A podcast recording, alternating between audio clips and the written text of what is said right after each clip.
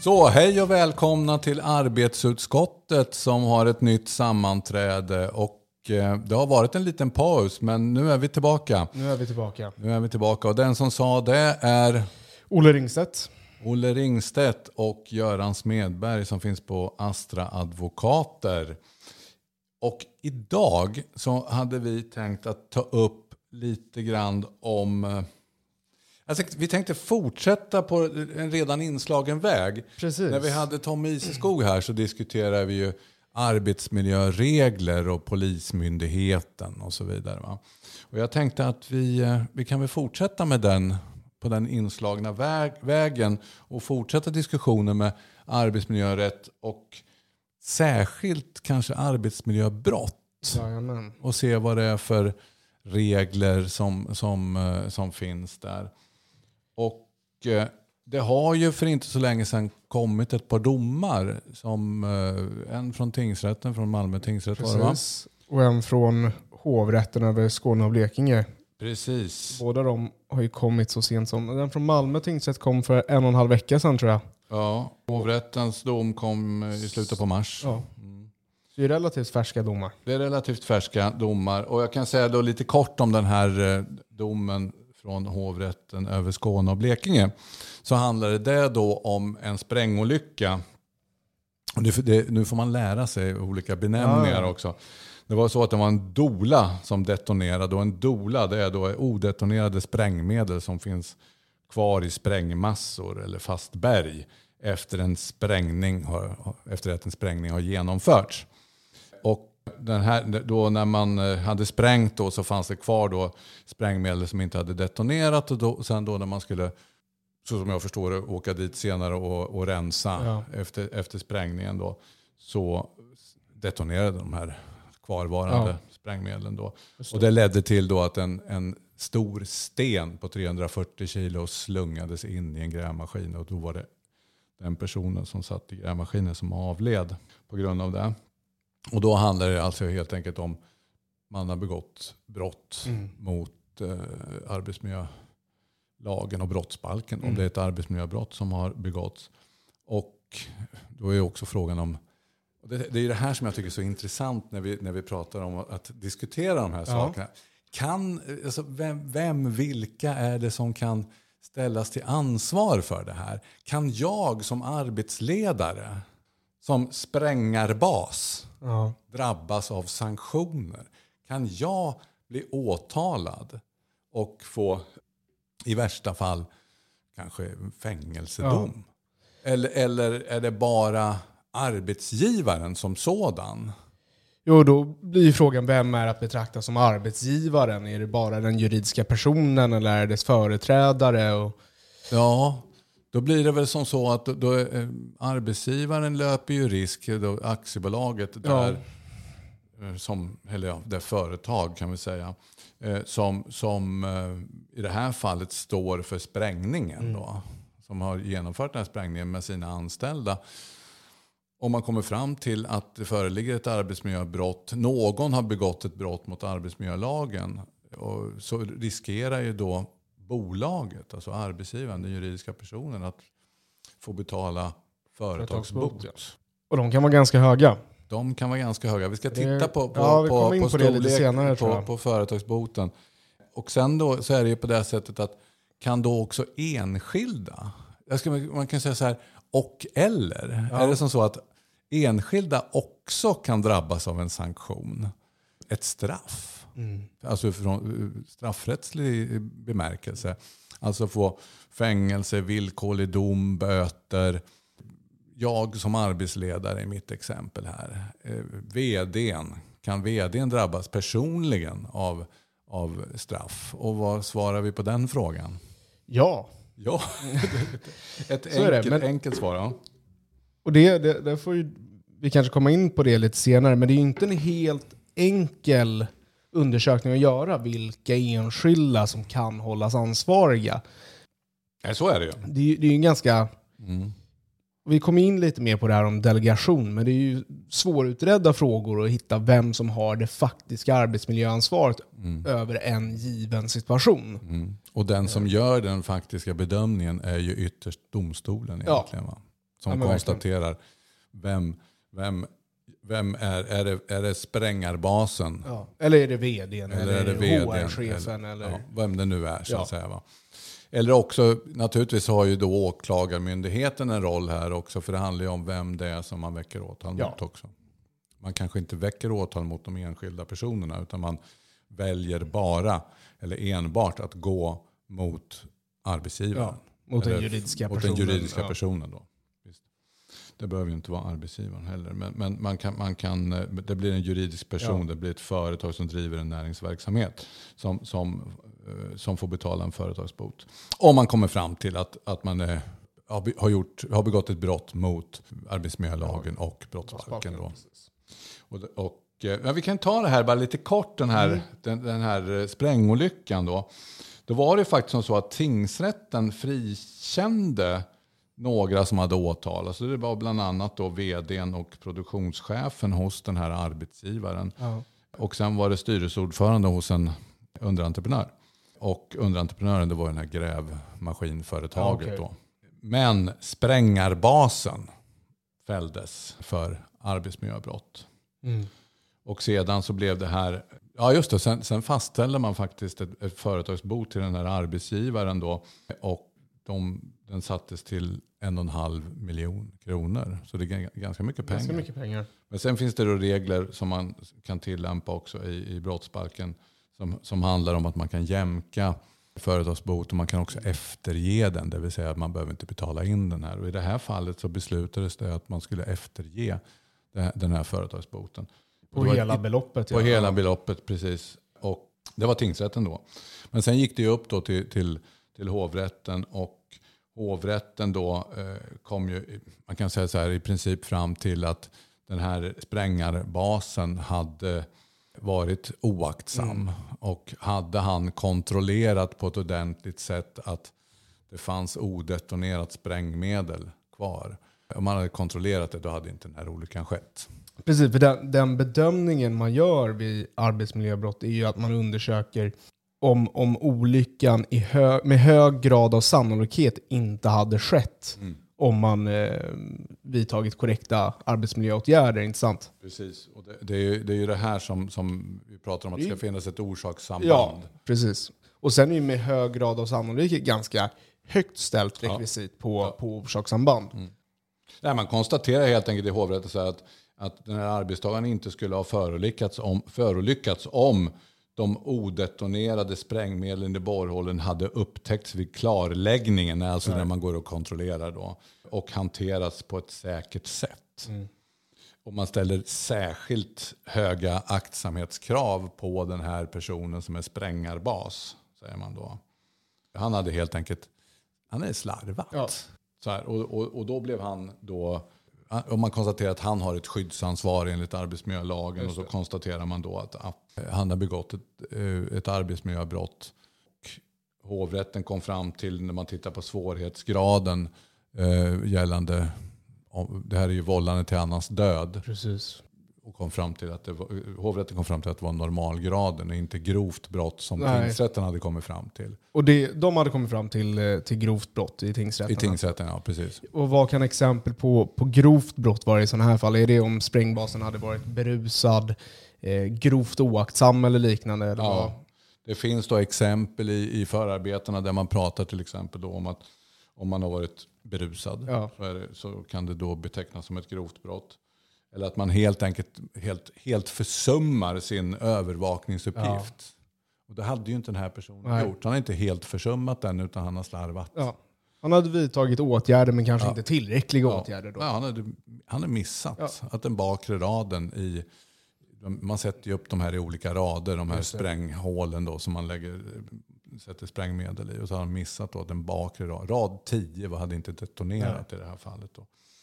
Eller att man inte vidtar rimliga säkerhetsåtgärder är också en sån här sak som tyder på att det skulle vara ett grovt brott. Och det hade kanske kunnat vara om man inte sett till så att alla mannar på plats hade tillräcklig skyddsutrustning eller liknande kan man tänka Typ, sig. typ så, absolut. Eller om en arbetsledare tillåter arbete förenat med risker utan att iaktta gällande Ja. säkerhetsföreskrifter. Att man helt enkelt tillåter det. Ja. Struntar i den, de interna riktlinjer som finns för, för en viss typ av arbete.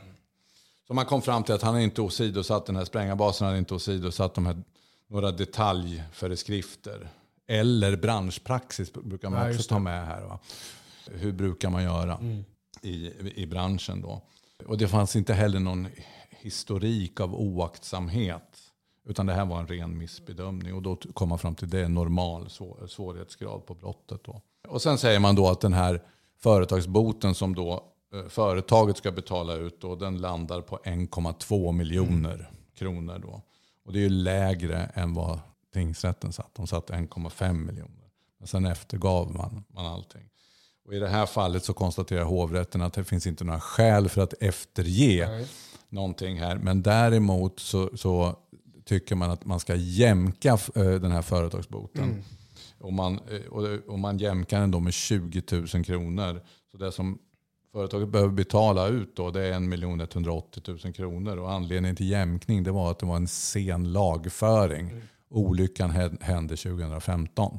Så det hade gått ganska lång tid. Ja, men precis. Så om man då funderar på ja, det, ja, det här andra. eh, Det här andra, Malmö. Malmö, tingsrätt. Ja. Ja. och det, det har väl varit ett, inte väldigt, men eh, någorlunda uppmärksammat mål i, i medierna för att det är en väldigt tragisk historia. Och det skedde 2020, om jag inte missminner mig, i Vellinge kommun. Där det var en liten pojke på sex år som drunknade under en eh, simlektion i, i skolan. Och Det, det var en, sommarlovet var nyss slut och det var någon slags schemabrytande aktivitet där en hel klass om 40 barn skulle gå och bada eller lära sig bada vid en, intilliggande bassäng till skolan. Så var det tre lärare, pedagoger med. Och så drunknade den här lilla pojken under, under tragiska omständigheter och ansvar, eller åtal väcktes mot de tre närvarande lärarna samt mot skolans rektor och även mot Vellinge kommun. Och de tre lärarna dömdes till vållande till annans död, arbetsmiljöbrott, för att inte ha utövat tillräcklig tillsyn över det här. Och, och där var det ju som vi pratade om innan, man gjorde den här undersökningen om, eller ja, men undersökning kan man kalla det, om den här olyckan med hög grad av sannolikhet inte hade inträffat om de hade vidtagit tillräckliga åtgärder. Även rektorn dömdes som företrädare för arbetsgivaren. Eh, Och arbetsgivaren då, Vellinge kommun, dömdes till företagsbot och skadestånd. Företagsboten vill jag minnas var på en och en halv miljon Ja. även där. Så relativt betydande belopp. Men då, Göran, kan man ju ställa sig frågan vad, vad säger arbetsmiljölagen egentligen? Vad är det man ska iaktta? Vad, vad, vad betyder det här lite abstrakta arbetsmiljö som vi pratar om?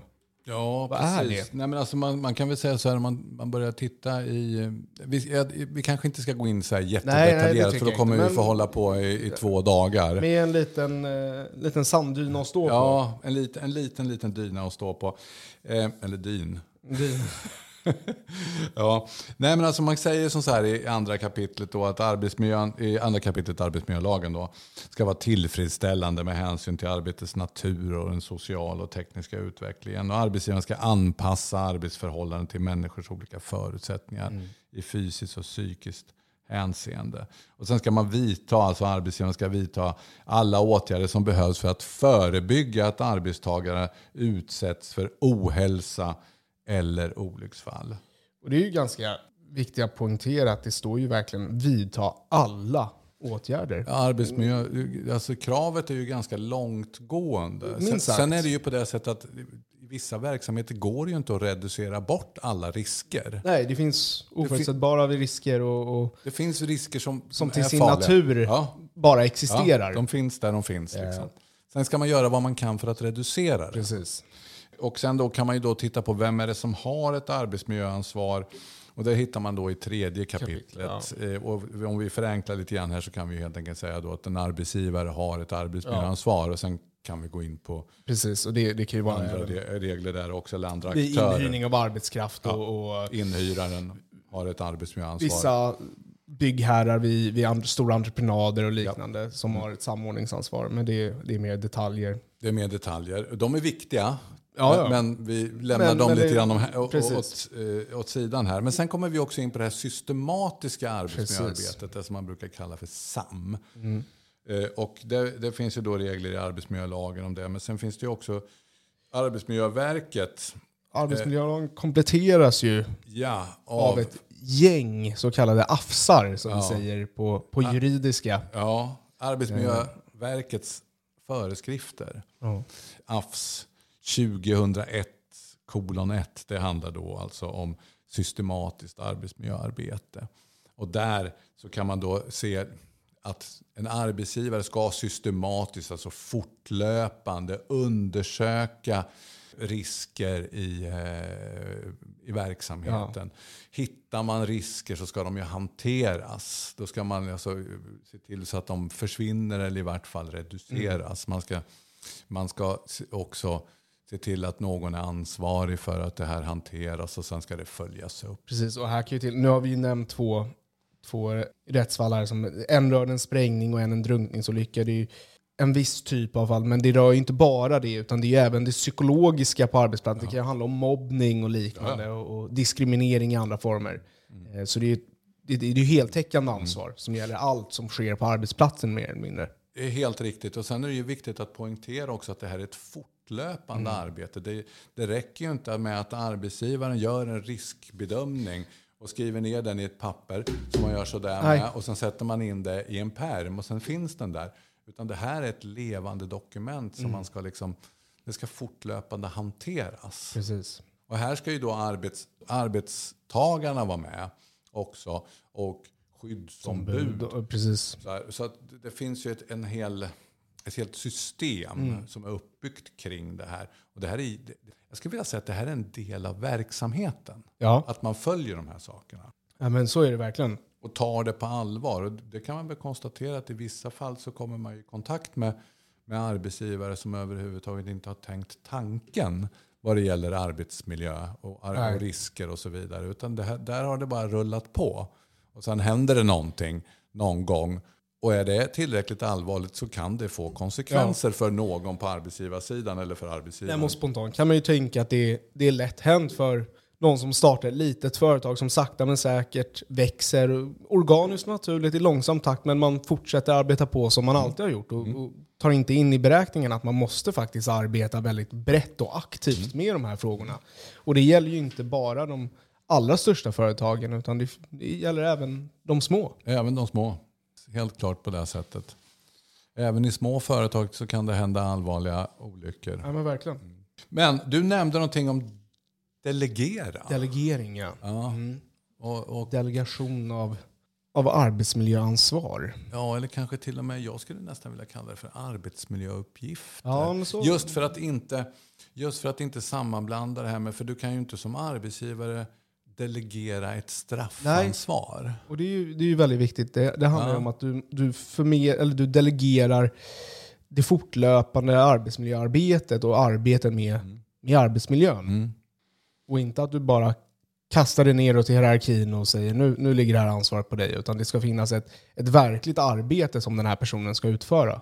Precis, och är det som så att man inte har delegerat några arbetsmiljöuppgifter så stannar ju ansvaret och då blir det ju ett Ja, ansvar antagligen i, i slutändan hos den som är högst. Ja. Då blir det väl, i, kan jag tänka mig, den verkställande direktören Ja, i- eller i vart fall en platschef eller fabrikschef eller ja, någonting i, i, den I stilen. teorin så är det väl egentligen den juridiska personen och då är det ju stämman. Stämman vidare delegerar det till, till styrelsen. Styrelsen väljer en vd som får ansvar för den dagliga driften och, och där någonstans stannar den naturliga delegeringen av arbetsmiljöansvaret eller arbetsmiljöuppgifterna. Sen kan ju vdn i sin tur delegera det nedåt. Ja, absolut. Men det sen, ska ju vara... sen kan det ju också vara en sån här situation där vdn sitter i Göteborg och, och platschefen eller fabrikschefen där olyckan händer finns i en annan del av landet och här Precis. finns ingen formell delegering. Då Nej. skulle jag nog tippa att det blir den här fabrikschefen som har ansvaret som befinner sig på plats Så- där. så att kan det det vara. följer med anställningen. Liksom. Jo, det finns väl vissa sådana roller som, har, som är naturligt och starkt förknippade med det fortlöpande arbetet med arbetsmiljöuppgifter. Men hur går sån här del- delegering till då? de ska ju vara ganska formella om jag har förstått saken rätt. Mm. De ska gärna vara skriftliga. Mm. Och det är viktigt att den som får de här uppgifterna har faktiska befogenheter och möjligheter att genomföra det arbetet som behövs. Så är det ju. Det, det, det, man kan väl säga som så här att jag tror att det ofta faller sig naturligt vem det är som man ska delegera Ja. arbets, arbetsmiljöuppgifterna till. Det är väl någon, någon chef, någon arbetsledare. Alltså någon i chefsledet då så att säga. Va? Man Ja, kan det, säga det, så- det, det- är inte det- så att man delegerar till Janne på fabriksgolvet. Nej, liksom, det tror jag inte det- skulle funka så bra. Det skulle nog inte flyga. Nej. Men utan däremot driftschefen på fabriksgolvet skulle nog kunna ha ett, ett naturligt arbetsmiljöansvar. I, I den här AFSen om systematiskt arbetsmiljöarbete så står det faktiskt så att arbetsgivaren ska fördela uppgifterna i verksamheten på ett sådant sätt att en eller flera chefer, arbetsledare eller andra arbetstagare får i uppgift att verka för att risker i arbetet förebyggs och en tillfredsställande arbetsmiljö uppnås. Alltså man skulle ju kunna tänka sig att det är någon chef, eller någon som har en speci vissa specialistkunskaper som får ett sånt här. För det krävs just för, jag, jag, kan jättemycket om kemi. Ja, då är det kanske naturligt att det är jag som får den här delegationen till mig vad det gäller då hantering av kemikalier. Ja. Och sen nämnde du någonting om kunskaper. Ja, kunskaper och befogenheter tror jag jag Ja. sa. Det Ja. måste finnas verkliga möjligheter för den med ansvar att faktiskt genomföra det arbetet som krävs. Precis, man ska, man ska, först, man, man ska ha kunskap om de här reglerna som är, har betydelse för, Ja. för arbetsmiljön. Eh, Så är det väl. Och sen kunskap om fysiska, psykologiska och sociala förhållanden som innebär risker för ohälsa och olycksfall. Och kunskap om åtgärder för att förebygga olyckor och olycksfall. Kunskap om arbetsförhållanden som främjar arbetsmiljön. Alltså det, och, och sen ska man kunna ha någonting att säga till om. Ja. ja man måste ju ha de befogenheter Mm. som, som, Mm. som krävs. Det vill säga, du, du ska ha rätten att, att påkalla vissa saker från andra människor. Att ta på sig skyddsutrustningen och hjälmarna och skyddsglasögonen när de genomför visst arbete. Mm. Annars blir det här bara någon slags spel för gallerierna. Det måste finnas en, en verklig möjlighet att genomföra arbetet. Det kan väl också vara på det sättet att om jag har fått en delegation eh, av arbetsmiljöuppgifter till mig och så inser jag att jag har inte den här kunskapen. Nej. Då kan jag returnera den här Precis. dele- delegationen. Mm. Ja, och samma sak om du... Om jag inte får den här, om, om arbetsgivaren inte är villig att ge mig de Nej. här sakerna som krävs. Kunskap och befogenhet. Och samma sak om, om du faktiskt inte lyckas med att uppmana folk att använda sig av skyddsutrustning eller liknande. Om du, du har vissa resurser och du har vissa befogenheter, men går det inte att genomföra, även då kan du ju returnera ansvaret högre upp. Mm. Bolla tillbaka det så att säga. Ja, okej men här ska vi vara noggranna. Ja. Alltså, göra noggranna delegeringar som arbetsgivare. Va? Och vad, ska vi komma in lite på sanktionerna till det här? För det här är ju, det är ju, det är ju sanktionerat så att säga för att det ska få, få tänder och verkligen bita. Ja, och det kan bita. Det kan Det det har vi ju verkligen hört göra. redan. Det kan ju bita ganska bra, rent faktiskt. Nej, men om man tittar på, det finns ju lite olika typer av, av, av sanktioner. Det finns ju två olika system kan man väl säga. Det är väl Ja. dels det som följer arbetsmiljölagen Mm. och sen finns det det som följer brottsbalken. Mm. Så kan man väl dela upp det till att börja med. Man kan ju tänka sig så här. Om det händer en, en arbetsplatsolycka Mm. någonstans så kommer Arbetsmiljöverket dit och, till, och, och kontrollerar hur arbetsmiljön ser ut. De gör en inspektion. Just En arbetsmiljöinspektion. Och den där inspektionen kommer antagligen att leda till att man så småningom får ett föreläggande. Arbetsgivaren får ett föreläggande att ni måste, gö- ni måste kontrollera de här sakerna. Ni måste göra riskbedömningar, ordentliga riskbedömningar, analyser. Ni måste hantera de här riskerna och få bort dem. Och det ska följas upp och så vidare som jag nämnde förut. Då. Och då kan det vara på det sättet att Arbetsmiljöverket säger som beslutar då att det här ska ni göra senast ett visst datum vid vite. Ja. Det vill säga om ni inte gör det här så får ni betala ett vite. Och det kan vara till exempel 100 000 kronor. Eller något sånt. Och där har vi en sanktion. Ja. Ett exempel på sanktion. Men sen finns det också vissa regler som, som är belagda med sanktionsavgift också. Det, det kan vi hitta i, i vissa av de här AFSarna. Just det. Så finns det då eh, sanktionsavgifter om man inte följer vissa regler som, som finns. Vissa konkreta, Ja. detaljerade regler som Och de, finns kan i ju vara, de kan ju vara väldigt specifika. Oh ja. Det finns ju Oh ja. någon som gäller eh, tryckkärl, någon som gäller viss, användning av vissa specifika kemikalier. Verkligen Precis. detaljreglerade. Och då kan det finnas en bestämmelse som säger, som säger att om, om du inte följer det här så får du betala en sanktionsavgift på x kronor. Då. Och då, då kan den också dömas ut. Då. Just det. Och sedan så kan man ju då naturligtvis få betala, som vi har pratat om här, företagsbot. Jajamän. Då. Och det är ju då arbetsgivaren, företaget, som, som eh, får, får betala. Och här är väl, om jag inte missminner mig, så företagsbot utdöms ju av allmän domstol. Medan vite och sanktionsavgift utdöms av förvaltningsdomstol. Ja. Så även där är det lite skilda system med, med hur det går till. Jo, men det här är ju en, arbetsmiljölagen är ju en, en, en blandning av Ja. civilrätt och förvaltningsrätt. Så är det verkligen. Men om vi då koncentrerar oss på det här med, med arbetsmiljöbrott. Så, så kan vi då titta på vad, vad, är det som, som kan, eh, vad är det som kan hända då om, om, man som, om det händer en arbetsplatsolycka. Som, är, som kanske innebär att någon arbetstagare avlider eller blir allvarligt skadad. Eller det är en fara för annans liv.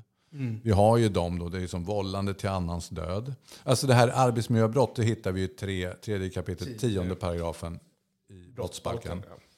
Och sen finns det då, den hänvisar ju då till, till andra paragrafer och det är alltså vållande till annans död. Och Eh, framkallande av fara, ja, och eh, vållande till kroppsskada. vållande kroppsskada. Ja.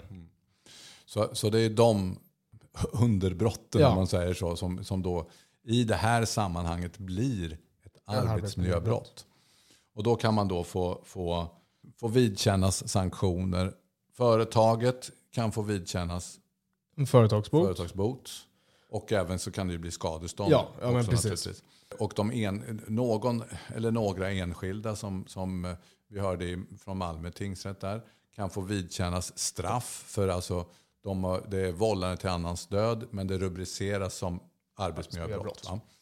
Och då blir det i det fallet villkorlig dom. Villkorlig dom och Det finns ju fängelse det var i 60 dagsböter. Ja, just det. Eh, Men, men sen är det väl, rätta mig om jag har fel, men det är väl eh, i ganska, det är väl undantagsfall med, med, med betoning på undantag som fängelse döms ut i, Ja, jag, I- jag, jag, jag har inte... i de här situationerna. inte hittat något sånt, Nej. men det, det kanske finns något sånt, men då ska det väl vara inte bara oaktsamhet. Nej, då är det snudd på Snudd på uppsåt. uppsåt Ja. i så fall. Men, men det finns med i, allvarligt. i, i straffskalan i alla fall. Så Absolut. Att, Så.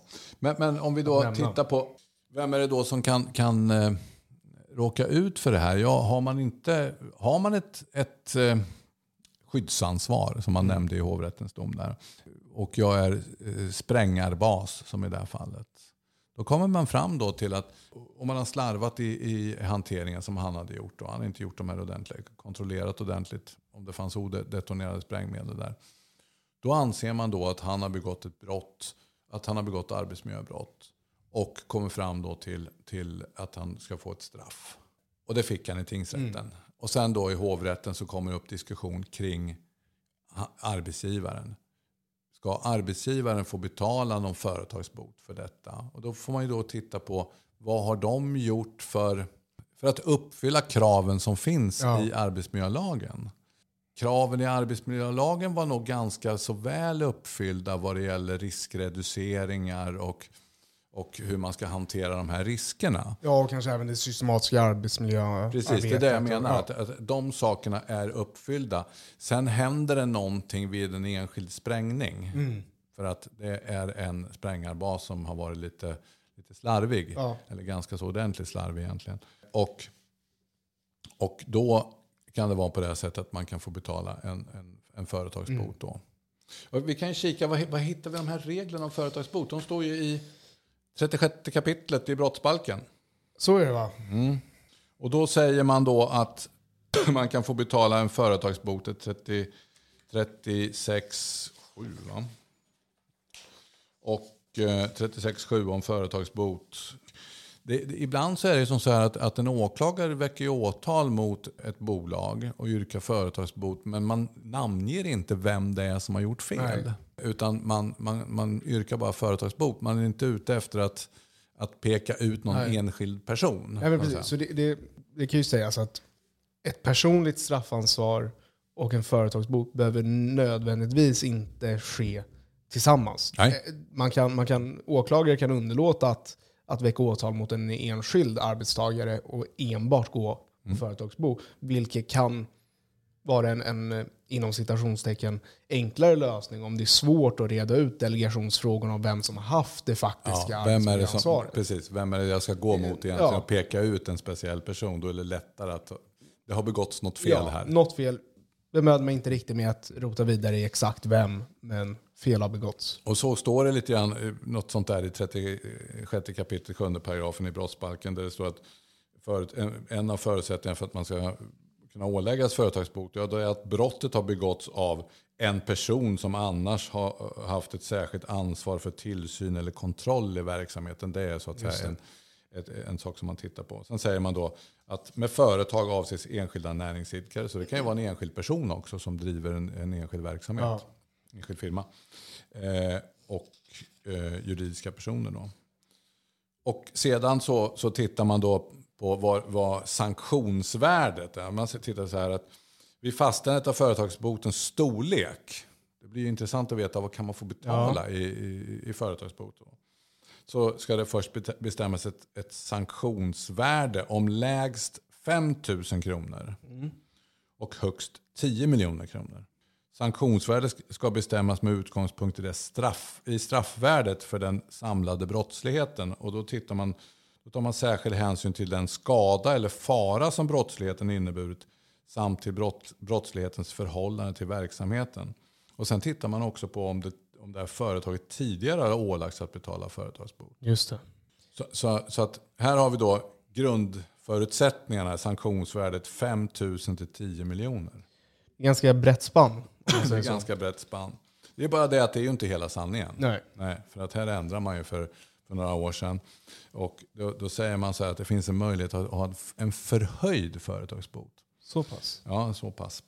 Eh, och Eh, om sanktionsvärdet uppgår till minst 500 000 kronor ska företagsboten för ett större företag sättas högre än vad som följer av den här tidigare paragrafen som jag läste upp. Då. Och då pratar vi om en förhöjd företagsbot. Den, den förhöjda företagsboten ska fastställas till ett belopp som är befogat med hänsyn till företagets finansiella ställning. En förhöjd företagsbot får dock högst bestämmas till ett belopp som motsvarar 50 gånger sanktionsvärdet. Så här har vi helt plötsligt ett maxbelopp på 500 miljoner kronor. Och då får man då gå in i, gå in i årsredovisningslagen och titta ja, ja, på liksom hur man graderar vad som är ett man, större företag. Här anser man alltså att det, det, är en vad kan man kalla det, försvårande omständighet om det är ett större etablerat företag som begår arbetsmiljöbrott än om det är en, en liten det finns nog med i bedömningen ja. också. Samtidigt som att här finns det mer pengar att ta. Ja. Det ska ju vara avskräckande det här också. Det är väl inte avskräckande att få betala, tänker jag mig. Så här, är det ett stort företag som har en hisklig omsättning och som får en företagsbot på 500 000 ja. eller på en miljon. Det, är ju... det biter kanske inte så det jättemycket. Nej. Nej, då kan ju, i, i vissa sådana fall kan ju själva det systematiska arbetsmiljöarbetet kosta mer än vad företagsboten gör. Mm om man är så cynisk att man gör en kalkyl av det hela. Mm, precis. Ja, det kan man ju inte utesluta att det finns sådana som gör kalkyler. Och sen finns det då också regler om, om eh, att, man kan, att företagsboten kan jämkas eller mm. efterges mm. helt och hållet. Så ser de reglerna ut om ja. företagsbot. Och sen är det som så här att man har från åklagarens sida, det är alltså Riksenheten för miljö och arbetsmiljömål hos Åklagarmyndigheten, som har gett ut en rekommendationer angående företagsbot och straff. Och här finns det lite grann, man kan säga som en skala. Med. Ja, en matris. En matris. Om man tittar då på, alltså det är ju rekommendationer, men de här ja. rekommendationerna har accepterats av Högsta domstolen ja. i en dom. Så, så, att de, de, de betyder ju en del. Man tittar då på arbetsmiljöbrott, vållande till annans död. Det är ju alltså brottsbalken 3.10 sa vi och 3.7 då. Och då säger man företagsbot, oaktsamhetsbrott av norm- normal, normalgraden, dödsfall. Det är minst en miljon i företagsbot.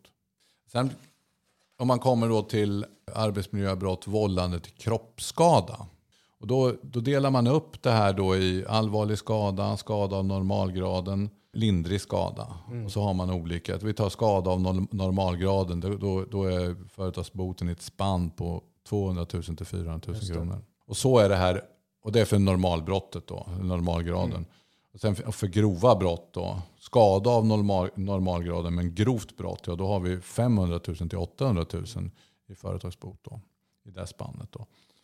Och sen finns det exempel då på olika typer av skador. Om det är invalidisering och Ja, bestående med, precis. Så att, eh, och sen, Så man, man, kan ju, man noterar att det ganska fort går upp till, till höga belopp. Och i, tillsammans med det du var inne på precis tidigare med bolag med stora finansiella tillgångar får betala mer. Det kan ganska fort komma att svida ganska mycket. det kan svida ganska ordentligt faktiskt. Vi kan ta här framkallande av fara för annan. Där har vi då livsfara, minst 400 000 kronor.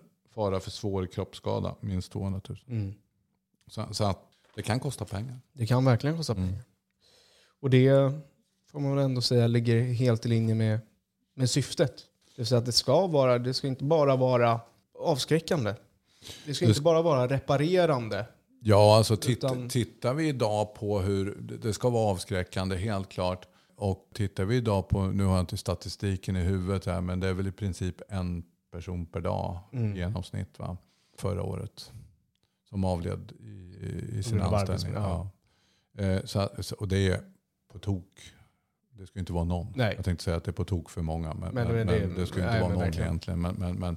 Sen finns det ju, som vi var inne på förut, det finns ju per definition farliga jobb, Ja. farliga arbeten, farliga arbetsuppgifter. Jag kan tänka mig, jag har haft lite erfarenhet av, av arbetsmiljöbrott vad det gäller gruvverksamhet. Och i gruv, det är en farlig arbetsplats I, till sin natur verkligen. till Ja. sin natur. Ja. Det går liksom inte att reducera bort alla, alla risker på Nej, en sån arbetsplats. Arbete i trafiken med, med halka andra personer som begår misstag. Är, Vissa saker går bara inte att undvika. Mm. Eh, Men det viktiga är ju, som vi har varit inne på så mycket, att arbetsgivaren vidtar alla åtgärder för att reducera de risker som faktiskt finns i verksamheten. Och det är ju jätteviktigt att man, att man ser till att göra det här systematiska Mm. arbetsmiljöarbetet systematiskt, om man får säga så. Fortlöpande och grundligt. Ja. Se till att göra ett ordentligt jobb där, inte slarva över det. Inte, inte bara se det som ett papper som sitter i en pärm. Nej. Ta det på allvar. Ta för, det det, på för allvar. en dag kan det verkligen komma Mm. att ha... Eller varje dag har det betydelse för arbetstagarna. Men en dag kan det även komma att ha en oerhört stor betydelse för arbetsgivaren. Om det väl har gått åt skogen. Alltså jag kan ju tänka mig att eh, jobbar man i en eh, jobbar som hög chef eller vd för ett företag som jobbar i tjänstesektorn där det kanske inte är så många faror av slaget få en 340 Nej. kilo tung sten på sig. Utan det är andra typer av arbetsmiljörisker som finns där. Och sen börjar man jobba i, inom produktionsindustri. Då lär man få börja tänka Ja. på ett helt annat sätt vad det gäller arbetsmiljöregler. Då måste man verkligen uh, skifta mindset eller vad man ska Ja. kalla det. Det, det tror jag definitivt. Sen, sen är det ju naturligtvis inte allomgivet att eh, bara för att det händer en arbetsplatsolycka och någon skadas eller avlider så behöver det ju faktiskt rent faktiskt inte betyda att det är någon som har begått ett brott Nej. mot arbetsmiljölagen. Det måste man ju också säga. Ja, det, det måste ju som vi var, nämnde lite kort, där, finnas ett, ett väldigt starkt orsakssamband Mm. mellan, mellan brister i arbetsmiljöuppgifterna som, som har skötts och den faktiska olyckan. Mm. Sen finns det ju också människor som det spelar liksom ingen roll hur mycket man talar om för dem. Att du får inte göra det här. Det här ingår inte dina arbetsuppgifter. Du får inte klättra upp på den här byggnadsställningen. Nej. Du ska vara på marken. Och sen vänder man sig om och tre sekunder senare så är den här personen uppe på byggnadsställningen, trillar ner och slår, slår sig halvt fördärvad. Det är då det, börjar Ja. med, med granskningen. Kunde man, om man hade gjort vad man ska göra enligt arbetsmiljölagen och den här AFSen som handlar om ställnings, eh, byggnadsställningar och så vidare. Hade man kunnat reducera bort den här risken? Mm. Eller hade den här risken ändå funnits? Den här personen hade ändå gjort det. Ja. Men då kan man ju komma till frågan om man kanske borde ha omplacerat personen. Eh, Om det finns en skyldighet att göra det för att det finns det föreligger en så pass stor fara för en arbetsmiljöolycka om Så. man inte omplacerar Så, personen. så kan det definitivt vara. Man kan fundera i många banor. Ja. Men, men alltså det, eh, jag kan säga så här, det är ju väldigt, jag håller ju på med, med försvararuppdrag vad det gäller eh, arbetsmiljöbrott. Och det är väldigt intressanta rent juridiskt sett. Så tycker jag det är väldigt Mm. intressanta mål och ärenden. Sen är det ju ofta väldigt tragiska Såklart. ärenden. Men, men rent faktiskt väldigt, väldigt intressant. Mm. Och man ska inte bara lägga sig ner för att en, för att en åklagarmyndigheten säger att ni har begått brott mot Nej. arbetsmiljölagen. Inte som en allmän regel i vart fall. Nej, nej, men som vi var inne på, då, det är åklagaren som ska bevisa Ja. att det med hög grad av sannolikhet inte skulle ha skett. Precis, Och det är ju höga krav. det är höga krav. Hörru du Olle, ska vi låta det här läggas till handlingarna Ja, för nu? klubba igenom det här. Vi klubbar igenom det här så att nu är den biten klar. Får vi höra snart igen. Så får vi höra snart igen. Och vi kommer väl, vi har ju utlovat tidigare lite Ja. intressanta områden och vi, ju jobbar på det. Det gör vi. Ja. För fullt. Ja, så att eh, ni kommer få höra oss igen och vi kommer ta upp andra intressanta saker i den här podden. Och fram till dess så säger vi väl Ha det bra ha det bra. och hej då. Hej då.